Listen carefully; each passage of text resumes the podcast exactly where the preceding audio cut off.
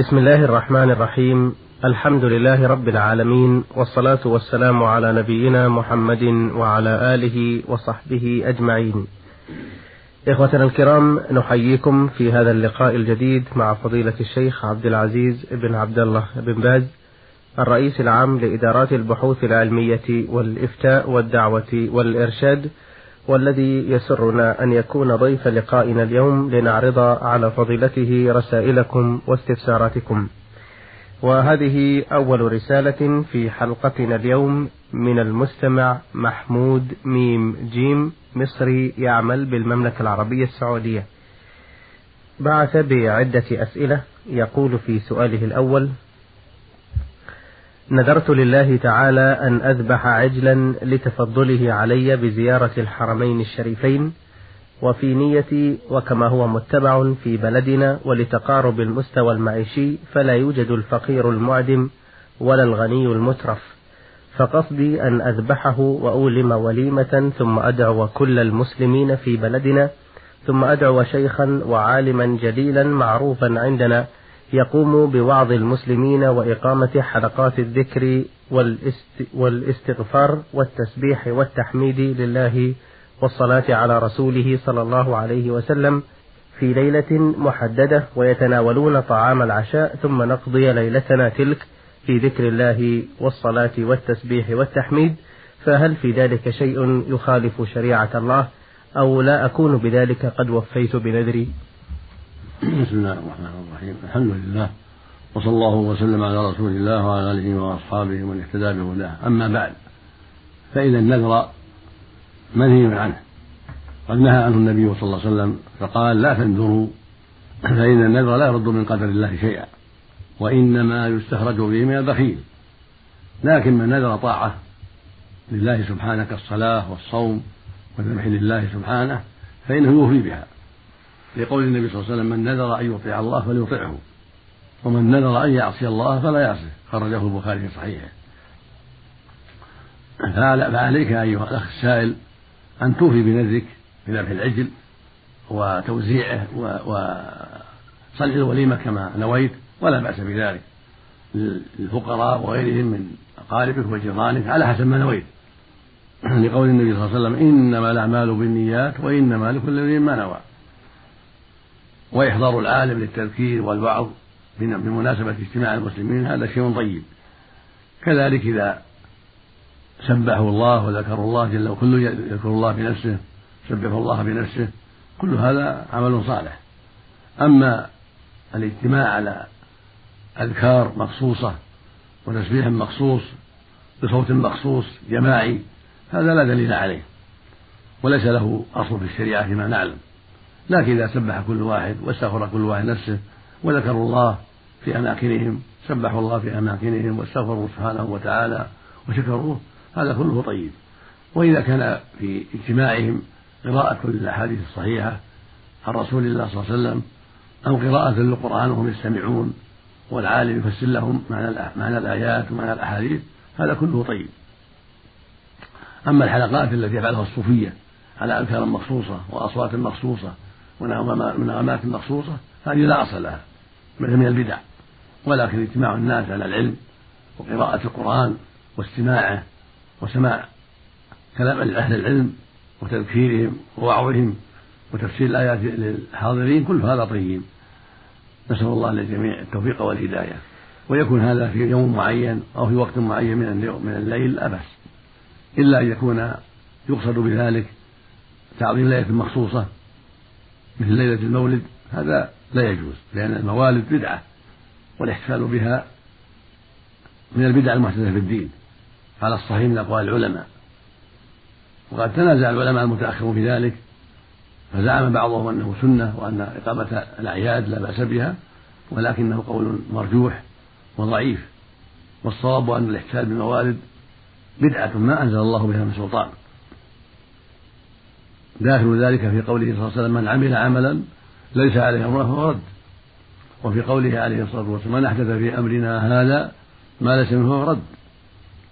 والدليل على هذا مع الأحاديثين المذكورين أن الرسول صلى الله عليه وسلم يفعل ذلك في حياته ولا فعله أصحابه بعد وفاته لا الصديق رضي الله عنه ولا عمر رضي الله عنه ولا عثمان ولا علي رضي الله عنهما ولا بقية الصحابة. كذلك ما فعله التابعون ولا أتباع التابعين في مولد النبي صلى الله عليه وسلم ولا في مولد غيره فدل ذلك على أنه بدعة.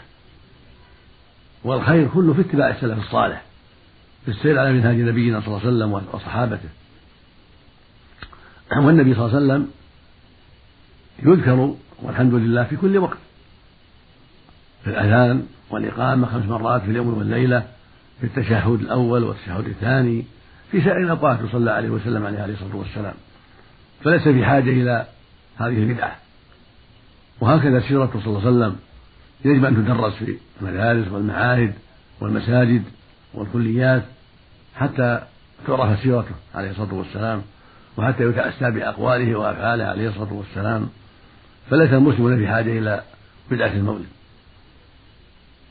فينبغي لأهل العلم أن ينتبهوا لهذا الأمر وأن يوضحوا للعامة طريق أهل السنة والجماعة في هذا الباب وغيره. نسأل الله للجميع الهداية والتوفيق وصلاح النية والعمل.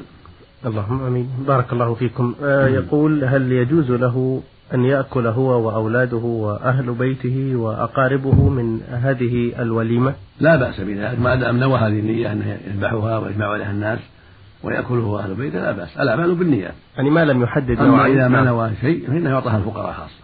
نعم. وما دام نوى أنه يذبحها في البيت ويجمع عليها العلماء ويجمع عليها الفقراء وغير الفقراء في أهل من أهل بيته وجيرانه فالأعمال بالنيات. آه، سؤاله الثاني يقول لي جار لا يصلي ولا يصوم ويشرب الخمر ويلعب الميسر وقد نصحته مرارا وتسبب ذلك في سوء تفاهم بيني وبينه وقال إني أعرف كل نصائحك. فما الحكم في مثل هذا الجار ومعاشرته والإحسان إليه بما أوصانا به رسول الله صلى الله عليه وسلم؟ فهل أحسن جواره ولا دخل لي بعمله هذا؟ علما بأنه قد يستلف مني بعض النقود بحجة حاجة أولاده ثم أعرف بعد ذلك أنه استغلها في لعب القمار وقد يردها لي من مكسبه من ذلك اللعب فهل يجوز لي أخذها منه؟ وهذا هو مصدره. هذا الجار جار سوء. والواجب هجره والاستمرار في الإنكار عليه ونصيحته لعل الله يهديه.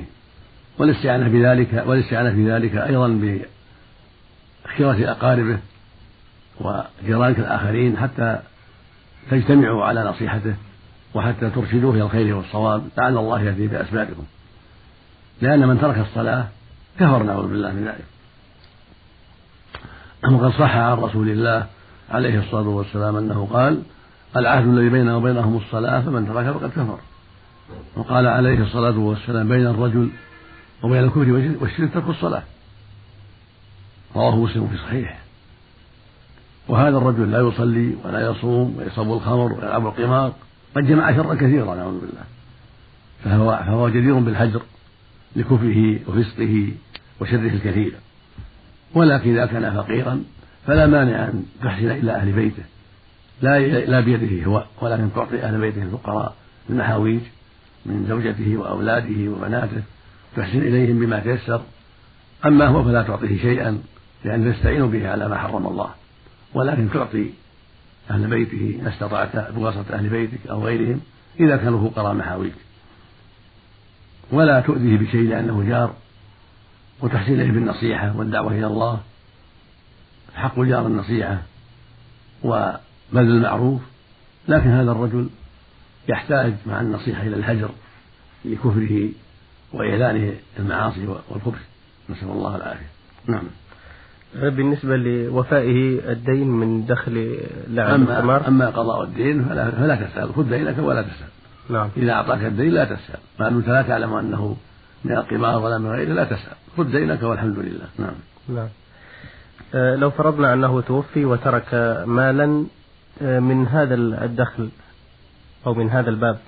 ورثته يرثونه. يرثون هذا المال وليس عليهم شيء إلا إذا علموا أن هذا مال فلان أو هذا مال فلان يردونه إليه. نعم. أن هذا مال فلان أخذه بالقمار يردونه إليه. أن هذا ثمن خمر يتصدقون به. وإذا كانوا محاويج فهم أهل الصدقة. أحسن الله إليكم.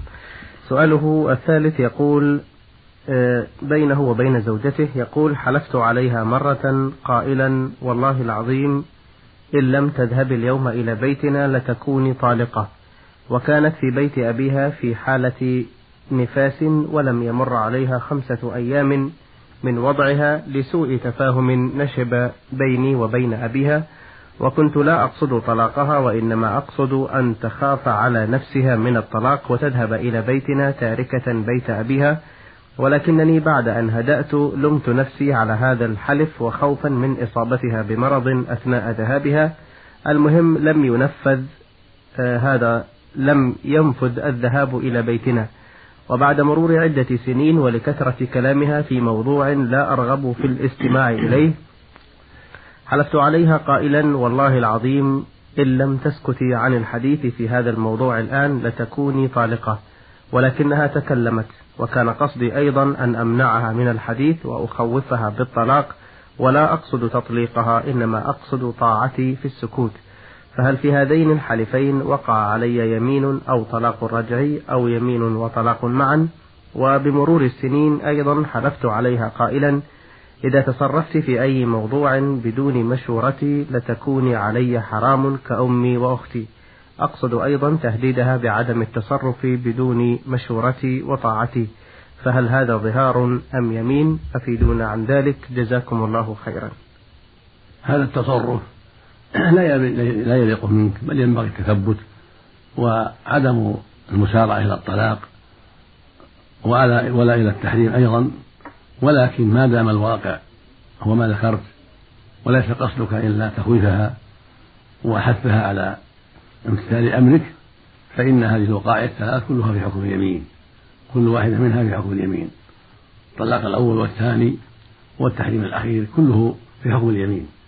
وعليك كفارة اليمين عن هذه الوقائع الثلاث عليك كفارة من ثلاث عن كل واحدة كفارة يمين وهي إطعام عشرة مساكين لكل مسكين نصف صاع من قوت البلد من تمر أو غيره. وذلك يقارب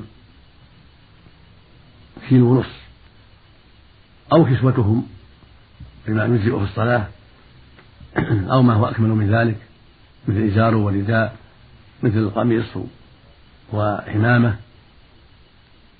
يكفي لكل واحد.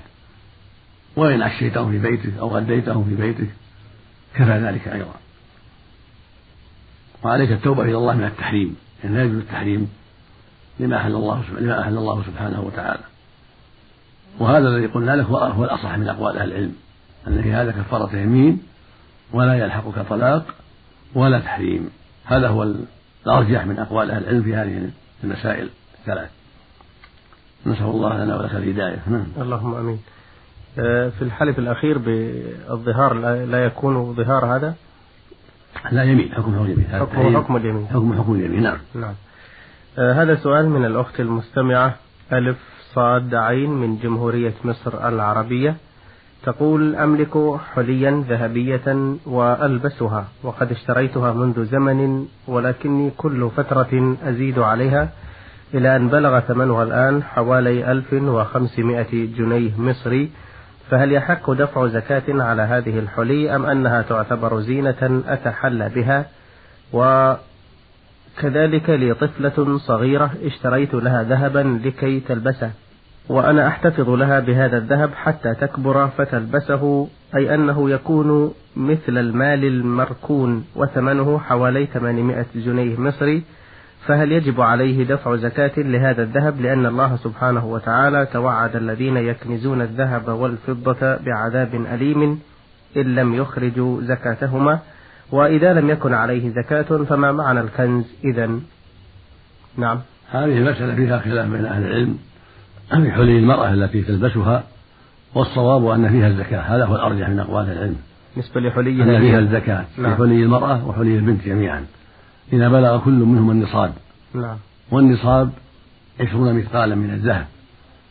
مقداره اثنان وتسعون غرام. وهو بالجنيه السعودي أحد عشر جنيها ونصف جنيه. فإذا كان الذهب الذي لديك يبلغ هذا المقدار ففيه الزكاة. وهكذا الذي عند ابنتك إذا كان بلغ هذا المقدار فيه الزكاة وهي ربع العشر. من كل ألف خمسة وعشرون. من كل ألف خمسة وعشرون. نعم. هذا هو الزكاة في الذهب ولو كان يلبس ولو كان للزينة. هذا هو المختار. لقول النبي صلى الله عليه وسلم للمرأة التي جاءت إليه وفي يد ابنتها مسكتا من ذهب أتعطين زكاة هذا؟ قالت لا. قال لا يسرك أن يسوّلك الله بهما يوم القيامة سوارين من نار نعم. فألقتهما وقالتهما لله ولرسوله وكانت أم سلمة رضي الله عنها تلبس أوضاحا من ذهب.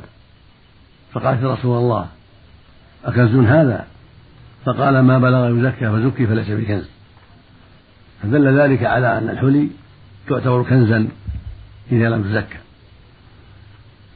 فالواجب عليك إخراج الزكاة عن حليك وعن حلي البنت إذا بلغ كل منهما النصاب الذي سمعت وهو عشرون مثقالا من الذهب وبعبارة أخرى وبعبارة أخرى اثنان وتسعون غرام وبعبارة ثالثة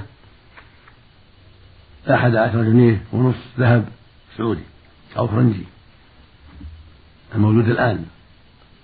هذا هو مقدار النصاب. فإذا كان أقل من هذا فليس فيه زكاة. والواجب ربع العشر. يعني سهم من أربعين. من كل ألف خمسة وعشرون. هذا هو الواجب في الذهب والفضة نعم. آه هذا السائل محمد أحمد علي من الأردن عمان. يقول تزوجت منذ خمس عشرة سنة من امرأة مسلمة وأنجبت لي أربعة أولاد وابنتين إلا أن العلاقة الزوجية بيننا قد ساءت بادئ الأمر ثم تم الصلح بتدخل الأقارب ولكن ما لبث أن عاد الخلاف بيننا وقد حاولت إصلاح أمرها بشتى الطرق ولكن لا فائدة وذات مرة اشتد غضبي عليها فقلت لها أنت طالق. وقد استفتيت أحد المشايخ فأفتاني باسترجاعها وفعلا ولم يدم الوفاق بيننا بل عادت إلى ماضيها وإساءتها إلي بكل ما تستطيع فعله فقلت لها أنت طالق يا فلانة وسميتها باسمها. ومرة ثالثة وربما رابعة كلما تسيء إلي أقول لها أنت طالق دون أن تسمعني. وحدث هذا أكثر من ثلاث مرات فهل تحرم علي بعد ذلك أم لا؟ إذا كان الطلاق صدر منك وأنت في شعورك وضبط عقلك وكملت الثلاث حرمت عليك لأن الطلقة الثالثة هي الأخيرة. نعم. والله يقول سبحانه فإن طلقها فلا تحل له من بعد حتى تنكح زوجا غيره. وهذه الطلقة هي الثالثة. فإذا كنت في الطلاقات الثلاث قد حضر قد حضر شعورك وقلتها وأنت مع مضابط عقلك فإنها تقع هذه الطلقات. إلا إذا كان شيء منها في حال حيض أو نفاس أو طهر جامعتها فيه فإنها لا تقع في أصح قولي العلماء. والمسألة فيها خلاف وعند الجمهور أن الطلاق يقع حتى في حال البدعة في حال الحيض والنفاس. ولكن أرجح القولين عدم الوقوع إذا كان الطلاق وقع منك في حال كونها حائضة أو نفساء أو في طهر جامعتها فيه ولا يجوز الطلاق في حال الحيض ولا في النفاس ولا في طهر جامعتها فيه. يحرم الطلاق في هذه الحوالي الثلاث. نعم. لما ثبت من حديث عمر رضي الله تعالى عنهما أنه طلق امرأته وهي حائض فأنكر عليه النبي صلى الله عليه وسلم وأمره أن يراجعها ثم يمسكها حتى تطهر ثم تحيض ثم تطهر ثم إن شاء طلق قبل أن يمس ثم قال النبي صلى الله عليه وسلم فتلك العدة التي أمر الله أن طلق لها النساء. يعني في قوله سبحانه يا أيها النبي إذا طلقتم النساء فطلقوهن لعدتهن. فطلاقهن للعدة أن تطلق المرأة في حال طهر لم يجامعها فيه الرجل أو في حال كونها حاملا هذا هو الطلاق الشرعي. أن تطلق المرأة حال كونها حاملة أو في طهر لم يجامعها الزوج فيه ولم يتبين حملها. لقوله صلى الله عليه وسلم لعمر بن عمر ثم يطلقها طاهرا أو حاملا. واللفظ الآخر قبل أن يمسها. فهذا يدل على أن الطلاق في حال الحيض أو النفاس أو في طهر مسها فيه الجامعة فيه يكون بدعة يكون محرما. لكن هل يقع أم لا؟ على قولين. أكثر أهل العلم على أنه يقع مع مع الإثم والقول الثاني أنه يأثم عليه التوبة إلى الله ولكن لا يقع. لقول النبي صلى الله عليه وسلم لعمر عمر راجعها ولم يقل له إن الطلاق وقع فقال راجعها إن ردها. في لفظ فردها علي ولم يرها شيئا. قال ابن عمر فردها علي ولم يرها شيئا. إن لم يرها شيئا واقعا. نعم. على الصحيح. ولكن عليك مع هذا التوبة إلى الله. إذا كنت راجعتها بعد الثالثة ولم, ولم تتبصر ولم تسأل فالواجب على المؤمن أن يسأل ولا يقدم على شيء إلا على بصيرة. فالطلاق الثالث يحرمها إلا إذا وجد مانع من وقوعه. فعليك أن تتصل بأهل العلم مع المرأة ووليها حتى يحقق في أمرك أمركما وحتى يعرف حالها حين الطلاق. وبعد ذلك يفتيك العالم بما يتضح له شرعا عند حضورك مع المرأة وليها لديه وسؤالكم جميعا عما وقع. وقد عرفت من هذا الكلام أن أن الطلقة الأخيرة الثالثة تحرمها عليك حتى تنهي زوج غيرك. إذا كانت الطلقات الثلاث وقعت في حال طهر جامعت لم تجامعها فيه أو أو وقعت في حال كونها حاملا فإنها تحرم عليك حتى تنكح زوجا غيرك. أما إن كانت إحدى الطلقات وقعت في حيض أو نفاس أو طهر جامعتها فيه فإنها لا تقع ويبقى لها طلقة إذا كانت إذا كان الطلاق الواقع ثلاثا وإن كان الواقع أربعا فهذا أكبر وأشنع كيف؟ يحيلك أن تتصل بها بعد الثالثة ولم تسأل ولم تستفتي أهل العلم. المقصود أن عليك أن تسأل أهل العلم وأن تتبصر في أمرك ويكون معك وليها والمرأة أيضا عند السؤال حتى يتبصر العالم مما وقع بينكم. وحتى يفتيكم بما يراه شرعا. نسأل الله للجميع الهداية. اللهم آمين. جزاكم الله خير الجزاء.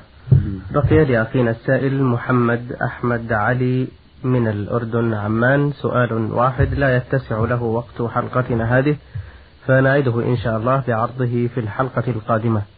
إخوتنا الأعزاء في ختام هذا اللقاء نتوجه بشكرنا إلى فضيلة الشيخ عبد العزيز بن عبد الله بن باز الرئيس العام لإدارات البحوث العلمية والإفتاء والدعوة والإرشاد على تفضله بالإجابة عن أسئلة الإخوة محمود ميم جيم مصري يعمل بالمملكة العربية السعودية والأخت السائلة ألف صاد عين من جمهورية مصر العربية والمستمع محمد أحمد علي من الأردن عمان.